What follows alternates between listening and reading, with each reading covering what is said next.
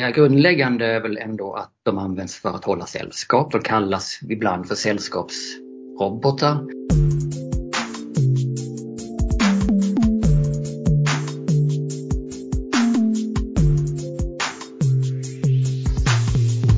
Hej och välkommen till FoU-podden. Det här avsnittet kommer att handla om sociala robotar. Och jag som gör podden heter Lena Stenbrink och jag är kommunikatör på FoU Sörmland. Med i det här avsnittet är Marcus Persson, David Redmalm och Anna Åkerberg. Varmt välkomna! Tack. Vi börjar som vanligt med att ni får presentera er lite noggrannare själva. Eh, Marcus Persson. Eh, Jag är docent i sociologi vid Linköpings universitet. Och jag heter då David Redmalm och är eh, docent i sociologi och arbetar vid Mälardalens universitet. Och jag heter Anna Åkerberg och jag jobbar som forskningsledare vid FoU Sörmland. I grunden är jag folkhälsovetare men jag har forskat om hälsoteknik. Eh, Ja, som vi sa så ska ju det här avsnittet handla om sociala robotar. Men kan ni förklara lite, vad är egentligen en social robot? Ja, en robot är någonting som rör sig av sig själv. En lyftrobot till exempel hjälper ju till att lyfta en patient till exempel åt en vårdare när musklerna inte räcker till eller när man vill spara på ryggen.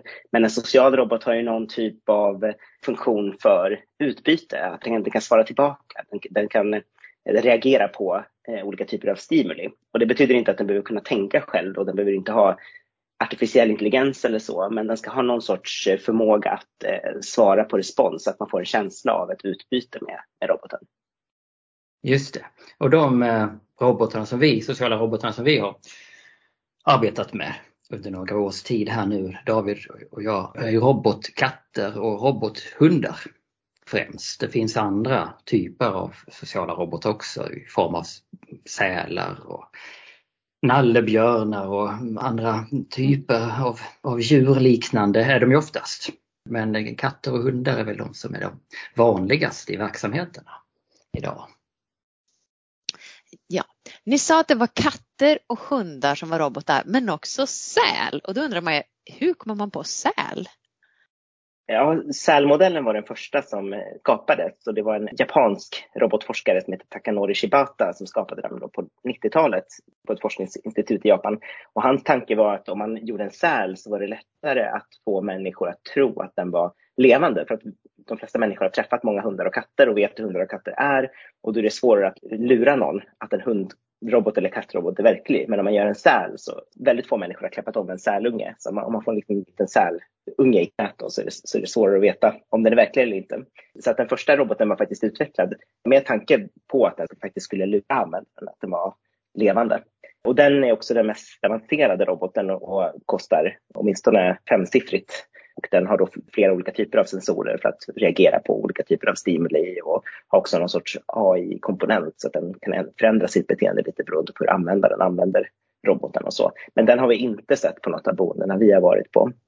Och varför använder man dem? Alltså till vad? Till sällskap.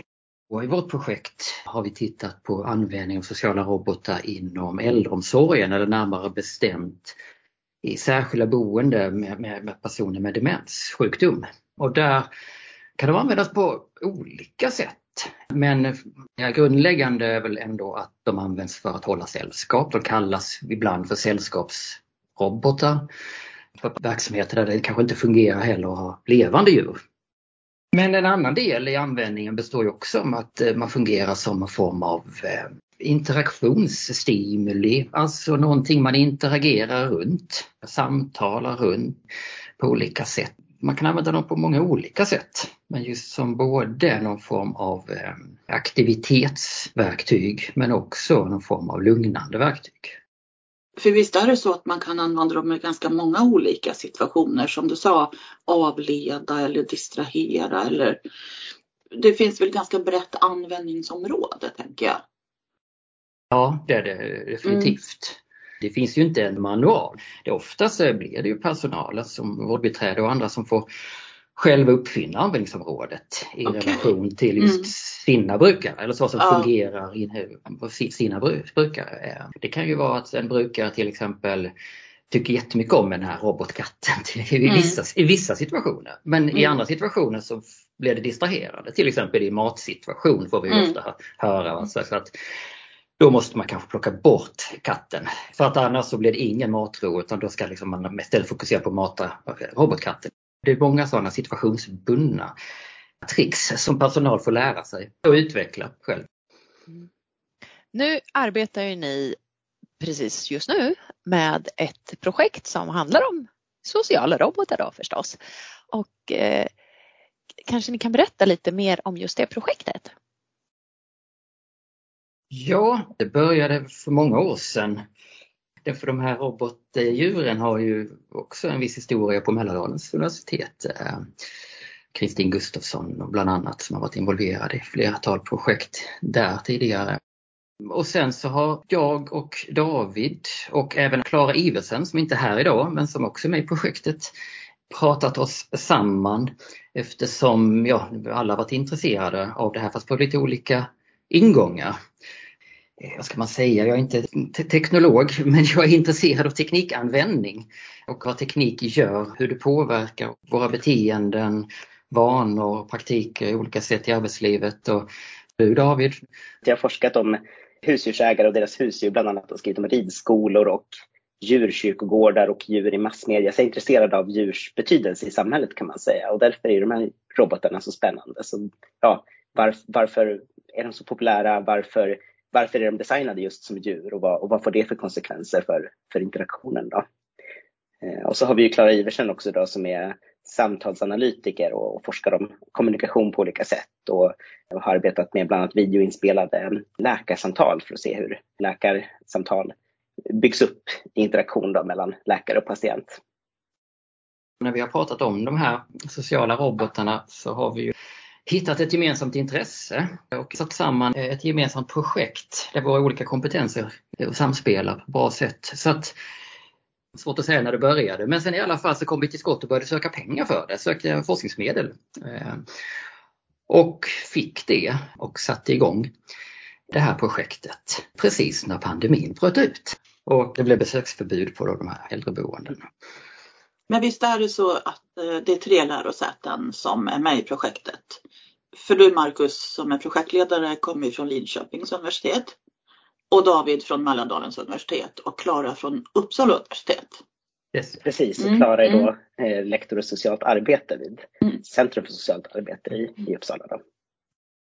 Så vi har tre universitet och vi har då jobbat i det här projektet i tre års tid och vi är alla tre intresserade av hur man faktiskt använder sig av robotarna ute i, i det verkliga livet. Så att vi har också åkt runt på olika särskilda boenden runt om i olika delar av landet eh, och varit på plats under ett par dagars tid på respektive boende och observerat den dagliga verksamheten. Eh, inte bara robotanvändning men naturligtvis så var, både det fokus på användningen av de sociala robotarna. Mellan eh, personalen använder det i relation till brukarna. Men sen har vi också intervjuat på plats då många ur personalen, deras chefer, en del andra personer också, alltså experter som har lite olika roller i kommun och region och sådär, för att få lite olika perspektiv på just användningen och nyttan med de här sociala robotarna. Mm, det finns en hel del kvantitativa studier också som mäter effekten av robotarna och det finns studier som visar att till exempel robotarna kan sänka blodtryck och de kan minska stress till exempel. Men eh, alla studier visar inte på ett ensidigt positivt resultat och robotarna passar inte heller alla personer. Så att om man gör sådana kvantitativa studier kan man få en indikation på, ja men här är det något som funkar i varje fall för vissa personer, men man ser inte riktigt vad som händer om man inte är på plats och ser hur robotarna faktiskt används. Så det är en skillnad här mellan det kvantitativa och det kvalitativa. Att se överlag finns det en effekt, men vilka situationer blir robotarna användbara i då? Och när är de mm. inte bra alls? När, mm. när kan det skapa problem? Det som är så spännande med ert projekt är ju fokuset, att ni fokuserar på personalen. Annars är det ju ofta så när man tittar på teknik och studier och sånt att, att det är patienterna eller klienterna som man ofta tittar på. Men att det är från personalfokus här. Just det. Ja, det var ju en viktig utgångspunkt för oss. Men mycket av tidigare forskning tittade på den här relationen mellan teknik och teknikpåverkan på brukaren. Att man på något sätt mm. tänker att tekniken i alla avseenden påverkar en viss person alltid på ett visst mm. sätt. Teknik funkar inte riktigt så. Det beror inte bara på individen utan vilken situation och i vilka relationer ingår man eller använder man tekniken på olika sätt. Det det har man sett i många andra områden också. Själv har jag forskat tidigare om eh, teknikanvändning, digital teknikanvändning i skolan till exempel. Där man liksom tittar på, det är inte bara att man sätter en, en iPad eller en dator i, i knät på en elev och så, så liksom förbättras lärandet helt magiskt utan det bygger på att det finns en lärare också som visar eleven hur man ska använda en dator eller, eller en iPad, alltså som använder tekniken som en pedagogisk resurs. Man tänker mm. då på äldreomsorgen så att det ju, finns ju också här personal på plats som måste använda de här robotarna mm. som pedagogiska resurser i någon mening för att få mm. önskad effekt. Så det var ju vår gemensamma utgångspunkt och det var ju också den forskningen som mycket, till mycket stor del saknas. Varför inte den forskningen lyfts fram? Vårdpersonalens betydelse alltså för mm. användningen av olika tekniska verktyg. Så målgruppen är egentligen inte de äldre som använder dem utan det är personalen? Om man skulle kort bara och konkret säga vad är syftet? Kan man säga det jättekort? Syftet är ju att eh, undersöka hur robotarna används i, i arbetet. Hur robotarna påverkar arbetsmiljön men det är inte riktigt en studie på det sättet att vi undersöker före och efter kvantitativt mm. återigen utan vi är ju där på plats på ställen som redan har robotarna för att se hur de arbetar med robotarna. Så syftet är att förstå bättre hur undersköterskor och, boendeassistenter använder robotarna i sitt arbete. Och hur det här påverkar också deras eh, arbete, både till vardags men också deras professionella roll. Hur ser de själva på sitt arbete efter den här introduktionen av digital teknik? Påverkar det deras professionella identitet på något sätt också? Jag tror inledningsvis i projektet så hade vi större ambitioner. Hur man använder robotarna, vilka betydelser har användningen för olika arbetssätt? Kanske arbetssätten måste förändras till viss del när man börjar använda ett nytt verktyg. Vilken betydelse för arbetsmiljön robotarna möjligtvis har. Den senare frågan har vi väl egentligen lämnat, eller rättare sagt, vi har väl kommit att fokusera på specifikt kompetenser egentligen som en del inom ett breda bredare begreppet arbetsmiljö vad krävs det egentligen av personalen man använder eh, det här, de sociala robotarna som ett nytt verktyg? Vilka kompetenskrav ställs på dem? Vi försöker verkligen belysa och förstå vårdpersonalens kunskaper och kompetens. Det är någonting som kanske ofta i de här tekniska sammanhangen åtminstone inte talas om den här tysta kunskapen, den här kroppsliga kunskapen. Det som man liksom gör från morgon till kväll eller nattetid också för den delen. Man tar hand om en annan människa. Med allt vad det innebär med personlig hygien, gå på toaletten och mata och trösta vid ångestanfall och rädslor. Men också liksom ha roligt tillsammans, med roliga saker och utflykter om det är möjligt eller samtala kring och, och allt det här som vi liksom på något sätt eh, tar för givet ofta. Men som kräver ju faktiskt en stor kompetens. Och vad händer då när man introducerar ny teknik till personalen? Hur påverkar det deras sätt att arbeta? Vilka kompetenser måste de kanske delvis förvärva nytt? De kanske kräver att de måste tänka till på ett nytt sätt. Situationen i sig är inte ny men verktyget är nytt och därför måste man också anpassa sitt arbetssätt. Men är det någonting som personalen lär sig under tiden eller får de någon slags utbildning innan de introducerar de här sociala robotarna på sin arbetsplats som nytt liksom, arbetsverktyg? Eller? Vi har väl sett väldigt lite av utbildning. Både David och jag har varit ute i olika mm. verksamheter och jag kan ju inte säga att jag har sett någon form av internutbildning eller guidning eller ganska lite support också. Alltså mm. då tänker jag från chefer och ledning. Ja, det kan ju finnas eh, tekniksamordnare och de spelar en viktig roll då mm. eh, som åker mellan boenden och, och uppdaterar teknik och visar upp teknik och hands-on visar hur man använder prylar och så. Men det ser ju olika ut i olika områden förstås om de har ett system med tekniksamordnare. Menar du liksom rent tekniskt hur man sätter på den och använder den och hur man gör rent den? Och jag tänker det är inte hur man använder den i olika situationer. Liksom. Det, det, kan det vara det är tekniksamordnare som mm. har idéer då, mm. ja men så här kan man mm. använda den och så här kan man mm. göra. Och och så. Och tekniksamordnare är ju ofta också själva undersköterskor eller Ja, boendeassistenter sedan Mm. tidigare eller jobbat deltid med det.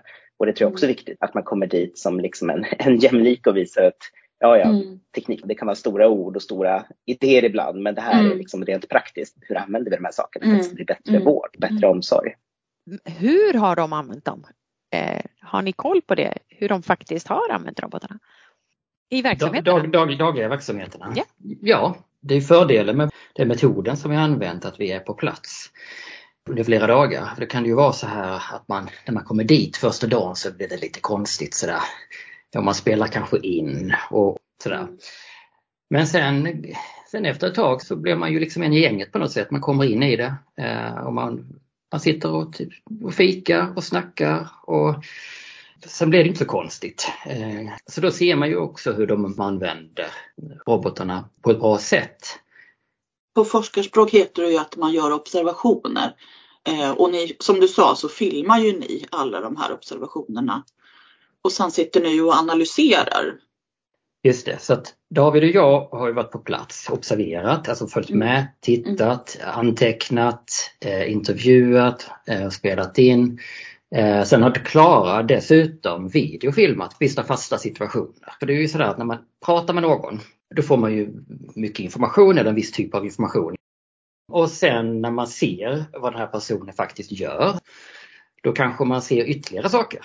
För det är inte alltid man faktiskt gör det man säger att man gör. Ibland är man medveten om det, ibland är man inte ens medveten om det. Men man kanske Mm. gör saker och ting ja, som man inte alls tänker på alltid. Mm. Då ser man ytterligare någonting så att säga. Och sen när man videofilmar, då ser man ju ännu mer. För det är väldigt mycket som händer mellan, i det mellanmänskliga.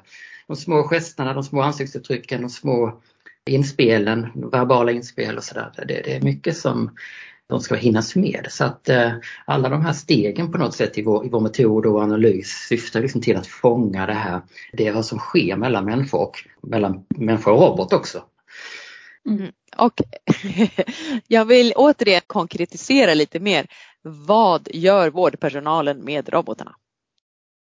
För det första används robotarna eh, avledande i situationer där stress kan uppstå eller ångest eller oro på olika sätt.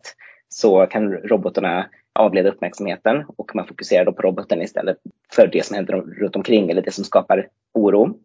Sen kan robotarna fungera lite som en avancerad stressboll kan man säga. Att man sätter i knät på någon sysslolös eller rastlös eller eh, vill ha något att pilla med. Och då har man en katt plötsligt som spinner i knät och rör lite på sig så man kan liksom sitta och, och klappa lite som, som fungerar lugnande. Och sen så eh, fungerar robotarna också som en sorts interaktionsverktyg. Eh, och det har vi sett många exempel på där vi också spelat in interaktioner där det här händer då. Och då kan det vara att man använder roboten för att sätta igång någonting hos patienten eller mellan den boende och eh, vårdgivaren. Och då kan det vara att man börjar prata lite om, ja men titta här, här har vi en eh, robot eller en, en kattrobot och så börjar man prata lite om den och greja med den. Och, och sen kan man också leda då samtalet vidare och, och fråga om, har du haft katt tidigare? Och, eller hade du djur när du var liten? Och hur bodde du då? Och sådär. När människor har djur så fungerar de lite som en nod i ens liv. För då, djuret har liksom en koppling till ens barn eller ens föräldrar eller ens vänner. Och djuret hör ihop med hemmet på olika sätt. Så djuret är ett väldigt effektivt sätt att börja prata om bredare teman.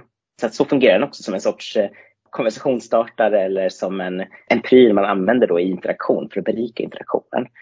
Eh, vi har också sett exempel på att den här roboten kan aktivera personer som annars är passiva. Att man får igång fantasin eller man får igång minnesarbete till exempel tack vare robotarna då, där de fungerar som bäst. Då. Så där kan man väl säga överlag är de olika varianterna av användning. Vad säger du Marcus, finns det fler? Man kan väl säga att det rör sig på ett spektra mellan det här att antingen användas som ett passiviseringsverktyg och Mm. ett aktiveringsverktyg. Men sen kan man ju liksom göra det där på så väldigt många olika sätt beroende på vårdpersonalens kompetens och kännedom om brukaren men också brukarens situation. Så det kan ju också vara personen är så upprörd och, eller vad det nu än kan vara. Och, och just i den situationen funkar det inte. För då har det kanske gått för långt. Man måste kanske introducera den tidigare. Det är ett väldigt intrikat samspel och situationsbundet. Och där kan det vara väldigt olika också i vilken mån robotarna är intressanta för människor. För en del personer tycker bara att men det här är en leksak. Det är liksom varför ska jag hålla på med den här? Det här är ju en vuxen människa, jag vill inte leka med gosedjur. För andra människor så blir roboten en, ett verkligt djur, upplevs som, som verkligt. Så att jag hade ett, ett exempel med en person som var utåtagerande, där personalen hade väldigt mycket jobb med den här personen, särskilt i hygiensituationer Eh, där det blev mycket oro och mycket stress och det kunde flyga saker genom luften och utdelas eh, slag och sparkar. Där beskrev då personalen att den här robothunden då hade blivit som en livlina för den här personen. Att personen kastade aldrig hunden och slog aldrig mot hunden. Så att om hunden satt i knät, då, då kunde man tvätta eller ge fotvård eller vad det nu handlade om. Så på det sättet så i de mest lyckade fallen så, så blir ju verkligen eh, roboten ett, ett viktigt verktyg. Eh, och vi har också pratat med flera personer som säger att de har kunnat ge mindre medicin tack vare roboten, i alla fall till de personer som tar till sig roboten. För då kan man ge det när boende då blir stressade eller börjar vilja åka hem på eftermiddagen efter trekaffet. Liksom. Så kan man sätta den här roboten i, i knät på personen istället för att ge, ge lugnande. Och där då, då har vi plötsligt ett väldigt konkret användningsområde och väldigt konkret nytta. Där har vi också exempel på hur vissa personer vill ha dem till exempel med sig nattetid i sängen. Erbjuda värme, trygghet, något gosigt. får man ju liksom stänga av ljudet och sådär för annars håller den ju på att mjaua hela natten. Andra vill inte ha det. Så det ställs höga krav på personalen att veta i vilken situation går det att använda roboten för just den här personen. Mm. Det blir individbaserat och situationsbundet. Så det är inte så enkelt att bara introducera en teknik och hoppas att den kommer generera en viss effekt. Men det måste ju vara helt underbart redskap när man hittar rätt person och används på rätt sätt. Jag tänker på nyttan då för alla, ur alla perspektiv. Ja men absolut. Mm. Och där är det ju, ja men som sagt en, en del personer vill ju verkligen inte ha roboten. Eller, eh, och det kan ju också vara personer som inte tycker om katter och hundar och därför mm. inte tycker om roboten. Alltså, den kanske upplevs som verklig men då, då ogillar den just för att de inte gillar djuret. Liksom. Mm. Och sen finns det också personer som har mer ambivalent förhållningssätt. Så att jag vet att jag satt med en, en person som ibland då, på en del av boendena så testade vi att ge roboten till personer som bodde på de här boendena då och pratade med dem om ja, men vad tycker du om den här roboten och ja, höra mer om hur roboten upplevdes. Och då vet jag att jag satt med en person då och drack eh, kaffe och den här personen tyckte att ja, men den här kattroboten det är väl inget särskilt, det är liksom bara ett gosedjur med batterier. Och då förklarade den här personen för mig hur roboten fungerade och sa ja, men om du klappar den på ryggen då kommer den lägga sig ner. Ja, så gjorde jag det och roboten la sig ner. Och nu kan den klia den på magen och så kliar den på magen och då liksom mm. sträckte den ut sig på, på rygg och sa mjau. Då böjde sig personen fram och sa ja visst är det skönt, åh vad härligt. Ja. Så att på det sättet så kan det funka som en sorts vuxenleksak. Det vet jag själv att jag ibland när jag satt med den här roboten i knät och pratade med, med personer som bodde på olika boenden så man sitter ju och klappar, man glömmer bort mm. att det är en robot, man sitter och pratar mm. om den som en katt. Jag var på en konferens som handlade om hälso och välfärdsteknik och då fick jag faktiskt prova att ha en um, pulsmätare på, på handleden med, med jag klappade eh, roboten och, och, det sänkte min puls i varje fall. Men det förstår jag, jag att det gör. Ja. ja. Men det har inte gjorts några sådana studier på det finns kvantitativa studier som mäter mm. till exempel stressnivåer och blodtryck där det ja, finns okay. liksom indikationer ja. på att det hjälper. Det svåra ja. där är ju då att det inte hjälper mm. alla. Om personen tar till sig det och det fungerar, då kan det finnas den typen av mätbara nyttoeffekt. En sak som vi också har kollat på där det också kräver att personalen använder sin fingertoppskänsla som vårdgivare, det är det här också med att ja, men hur långt kan man gå när man låtsas att de här katterna och hundarna är katter och mm. hundar? Eller ska man ens mm. göra det överhuvudtaget? Mm. Mm. Där har vi bland annat skrivit en artikel i eh, Äldre i centrum som man kan läsa online och vi mm. håller på också med ytterligare artiklar om det här. För det är också ett spännande område där ja, vårdgivarnas fingertoppskänsla verkligen behövs. För som mm. sagt, så en del kan ju bli liksom stötta när man börjar ta fram leksaker så att säga. Ja, eh, och för andra kan det bli oerhört verkligt. Och hur, ja. hur långt kan man gå då i den fantasin? Om roboten blir viktig för en person på ett boende så mm. i vissa fall så har ju liksom personalen verkligen spelat med och kanske mm. köpt en matskål och vattenskål. Jag pratade med en undersköterska som hade köpt ett koppel så att okay. en person kunde gå ut med sin katt i rullator och ha koppel på så att det mm. kändes som att vara ute och gå på promenad och så. Man kan säga överlag när vi pratar med sig att det handlar om att validera personernas upplevelser. Upplever de att mm. det är en riktig hund, en riktig katt, ja men då säger man ja, ja men vad fint att, att mm. du har en katt och en, eller en hund här. Däremot kan det ju slå fel om man aktivt försöker lura någon att det här är en hund ja. eller katt. Jag vet att jag pratade med en tekniksamordnare som också arbetade som undersköterska och hon hade då suttit i en situation med en, en boende där hon inte hade varit helt tydlig från början med att det här är en robot. Så att då mm. satt en boende med roboten i knät och höll på med den en stund och tyckte att det är något konstigt med öronen, det är något som är fel med den här mm. katten. Och då efter en stund upptäckte då den boende, det här är ju på låtsas, det här är inte något Aha, riktigt. Vad, vad, vad, är det för poäng med det här? Liksom, ja. Försöker du lura mig? Och det kan ju också bli att man känner ett svek där. Ja, jag tänker att det kan liksom vara en etisk problematik där. Samtidigt som hjälpare så är det ju bra ur ett vårdperspektiv. Där får vi också höra om att man ska ju alltid informera, eller det är ju liksom en mm. gängs etiska liksom grundinställningen på något sätt. Det är klart att man ska informera brukaren mm. om det här verktyget, att det inte är en riktigt levande katt och så. Men mm. vi pratar ju också om personer med demenssjukdom så även om man så att säga mm. följer alla de etiska riktlinjerna och mm. informerar om vad det här är för någonting så mm. har man kanske glömt det dagen efter. Så man kan ju inte hela tiden bara gå runt och Mm. Informera mm. utan någonstans mm. måste man ju också liksom bara få, få vara med i verksamheten och, och ta hand om den, om den mm. brukaren. Så att det, eh, det där är jättesvårt. Mm. Men man kanske kan låta brukaren själv få bestämma på något sätt. vi har sett ganska många sådana exempel på att brukare kanske efterfrågar eller undrar vad är det här för någonting? Men då kan ju vårdpersonalen vara lite dröjande med svaret och själv låta brukaren få liksom själv bestämma. Och sen mm. så kan personalen följa med i den, i den upplevelsen. Mm. Enligt Statens medicinsk-etiska råd så deras riktlinjer som rör eh, sociala robotar inom vården, eh, de säger att man inte ska leda en brukare till att tro att roboten har kapaciteter som den de facto inte har. Då. Så att, att aktivt då liksom ljuga om att här är en katt som älskar dig eller som vill liksom gosa med dig. Det blir ju automatiskt en lögn eftersom ja. roboten inte vill någonting. Så att där får man ju tänka till då. Sen vet vi också från tidigare forskning att alltså vita lögner i demensvården är utbrett. Och även ja, men i, i Sverige så avråder man från lögner enligt riktlinjerna men i praktiken så händer det regelbundet när det inte finns någon annan utväg. Att, att till slut så, mm. så ljuger man liksom för att trösta eller lugna eller avleda. Mm. Mm. Ja det kan ju vara med omtanke av brukaren. Jag menar till Absolut. exempel det vanliga att man undrar kanske vad sin döda make eller maka är. Det är ganska tungt att ge ett sorgebesked varje dag. Det är tungt både för personalen och för, för brukaren att få ett sorgebesked varje dag. Mm. Visst, man kan avleda till en viss gräns men man kanske också ibland måste dra till en vit lögn. För, med omtanke för att jag vill inte sätta igång en sorgeprocess här idag igen. En eh, undersköterska som jag intervjuade uttryckte sig väldigt drastiskt när jag frågade just hur undersköterskan såg på det här med robotar och lögner och, och så. Och då sa den här undersköterskan att ja, men, vi ljuger så mycket hela tiden så att, att ljuga lite om en robot spelar inte så stor roll.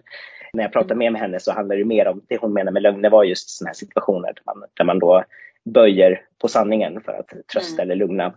Alltså demensvården är ju en intressant sfär, men det är också en sfär där moraliska dilemman väldigt ofta uppstår eh, och där personalen hela tiden måste arbeta med att förhålla sig till de här dilemmana. Och då kan man ju tänka att den här roboten skapar relativt små problem med tanke på vilka stora problem det kan handla om ibland. Det här projektet då som ni håller på med, har det något slutdatum? Det ska avslutas här nu under året. Men det är ju så här i den, i den vetenskapliga världen att det tar så himla lång tid att få ut resultaten. Men det kommer här under året. Vi har precis fått godkänt eh, en artikel som kommer som handlar just eh, om mycket det vi har pratat om, om vårdpersonalens olika typer av kompetenser. Att hantera eller att använda eh, robotdjur, robotkatter och robothundar och vad det ställer för krav på deras kompetens. Och då pratar vi bland annat om kroppsliga kompetenser, alltså hur man de facto gör rent fysiskt. Vi pratar om etiska kompetenser och vi pratar om sociala kompetenser. De tre typerna av kompetenser som, som krävs för att eh, man ska kunna hantera de här eller använda de här sociala robotarna på ett, ett framgångsrikt sätt där det faktiskt kan ge nytta för brukaren. Mm. Sen tänkte jag också få med här, ni sa ju att det är tre lärosäten som är med i projektet, men jag vet också att FoU Sörmland är med på ett litet hörn. Så Anna, kan du berätta vad har din roll varit i det här? Jag har varit en av flera som har suttit med i referensgruppen till det här projektet. Och det har varit jättespännande och jätteintressant. En referensgrupp det är ju en, en grupp med personer som inte är aktiva i projektet utan de utses ju ofta ifrån projektet eller av en projektledning. Eh, ofta så är den här referensgruppen sammansatt utifrån olika kompetenser eller olika perspektiv då som man efterfrågar och man tänker att de ska tillföra någonting då till det här projektet. Jag tycker det har varit jättevärdefullt att jobba med dig Anna och med de andra övriga experterna mm. från olika mm. verksamheter med ett mm. gemensamt intresse mm. i den här typen av frågor om äldreomsorg och tekniken med äldreomsorg, välfärdsteknologi. Vi har haft andra aktörer, andra personer från andra verksamheter också med, eh, bland mm. annat eh, Arbetets museum, eh, Vårdförbundet med flera. Den här lilla gruppen och vi har ju träffats i jämna mellanrum. Det har varit jättevärdefullt att få diskutera frågor, inledningsvis väcka nya funderingar och allt eftersom. Sen mm. också fördjupa vissa frågor som man vill gå vidare med. Kunskapsutbyte bara mellan olika ja. verksamheter som kanske annars kanske inte alltid träffas sådär. Jag kan bara hålla med att, att det har varit jätteintressant att följa projektet och, och som du säger i vissa fall eh, har ni velat haft lite input och, och just det här att vi sprider information och, och, nya kontakter också med de här andra parterna i referensgruppen. Det har varit jättegivande. Eh, I början av eh, projektet när ni drog igång så presenterade jag lite kort om eh, ert projekt för Demensrådet det ledde ju till att ni fick kontakt med en demenssamordnare i Sörmland sen. Och sen ledde det till att ni kunde rekrytera ett särskilt boende där ni kunde göra observationer i en av Sörmlands kommuner. Så det är jätteroligt att Sörmland har varit med här i era studier. Så Sörmland är ju en högst aktiv eh, aktör och det är inte bara i vårt projekt mm. utan är ju framåt, får man väl säga, mm. Eh, i mm. många avseenden när det kommer till frågor om välfärdsteknologi. Ja. Mm. Är det någonting annat som ni tycker att vi har missat som ni skulle vilja få med? Jag skulle gärna vilja nämna fortsättningen på ett nytt projekt egentligen. För även om det här projektet rent formellt så här har ett slutdatum så har det väckt så mycket nya tankar och erfarenheter och idéer under de här tre åren som har gjort att vi har velat fortsätta på det här spåret med teknik. Inte bara sociala robotar utan teknik i bredare bemärkelse. All typ av välfärdsteknologi och användningen av den på äldreboende utifrån ett emotionsperspektiv, alltså känslo, personalens känsloarbete. Vad spännande! Ja, vi upptäckte, alltså på plats på boendena har vi mött en del känslouttryck, naturligtvis från de boende men även från personalen i olika mm. situationer. Alltså mycket glädje kanske i vissa fall, stolthet och använda teknik och känna sig liksom lite extra uppmärksammad och sedd och erkänd. Men också motsatsen, också att personalen kan kanske uttryckt ibland viss skepsis, irritation, frustration att det här, är, det här är ingenting för mig. Ska de gamla bli vårdade av robotar nu? Liksom? Var, mm. var, var, ska det här sluta? Är jag utbytbar? Och den här typen mm. av känslomässiga uttryck och hur man hanterar det. Eh, man mm. ventilerar det för sina mm. kollegor inför mm. oss som är på plats. Så jag kan nämna en situation bara jag själv var med i var jättespännande där min, den här, de här tankarna på något sätt började växa fram. Att vi satt runt ett bord med flera vårdpersonalen och mm. pratade. Eh, vi hade ett gruppsamtal kring den här teknikanvändning. Och det var en, en ur personalen som var liksom, liksom, liksom bakom de andra som stod i köket. Och jag förstod att hon lyssnade. Det var väldigt tydligt att hon, hon kretsade runt och, och lyssnade in men sa ingenting. Och allt eftersom vi pratade så såg jag hur hon blev mer och mer upprörd. Och till slut så exploderade hon och gick fram till bordet och, och ventilerade sin, sin mening om vad hon tyckte om Aha. Eh, teknik och robotar i äldreomsorgen och det var väldigt skeptisk. Hon tyckte det var ovärdigt att inte ha liksom, den här mellanmänskliga tekniken kommer in mellan människors ja. eh, ja, arbete med andra människor. Att, ta hand om någon annan mm, kan skapa ris risker för eh, empati och omhändertagande och mm. allt så här. Va? Det var hennes åsikt. Så blev det en jättespännande situation naturligtvis. Jättemycket känslor i luften och mycket ja. diskussion.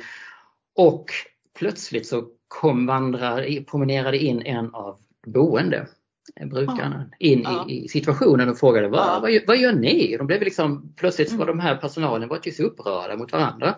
Ja. Och på en sekund så här så tystnade alla.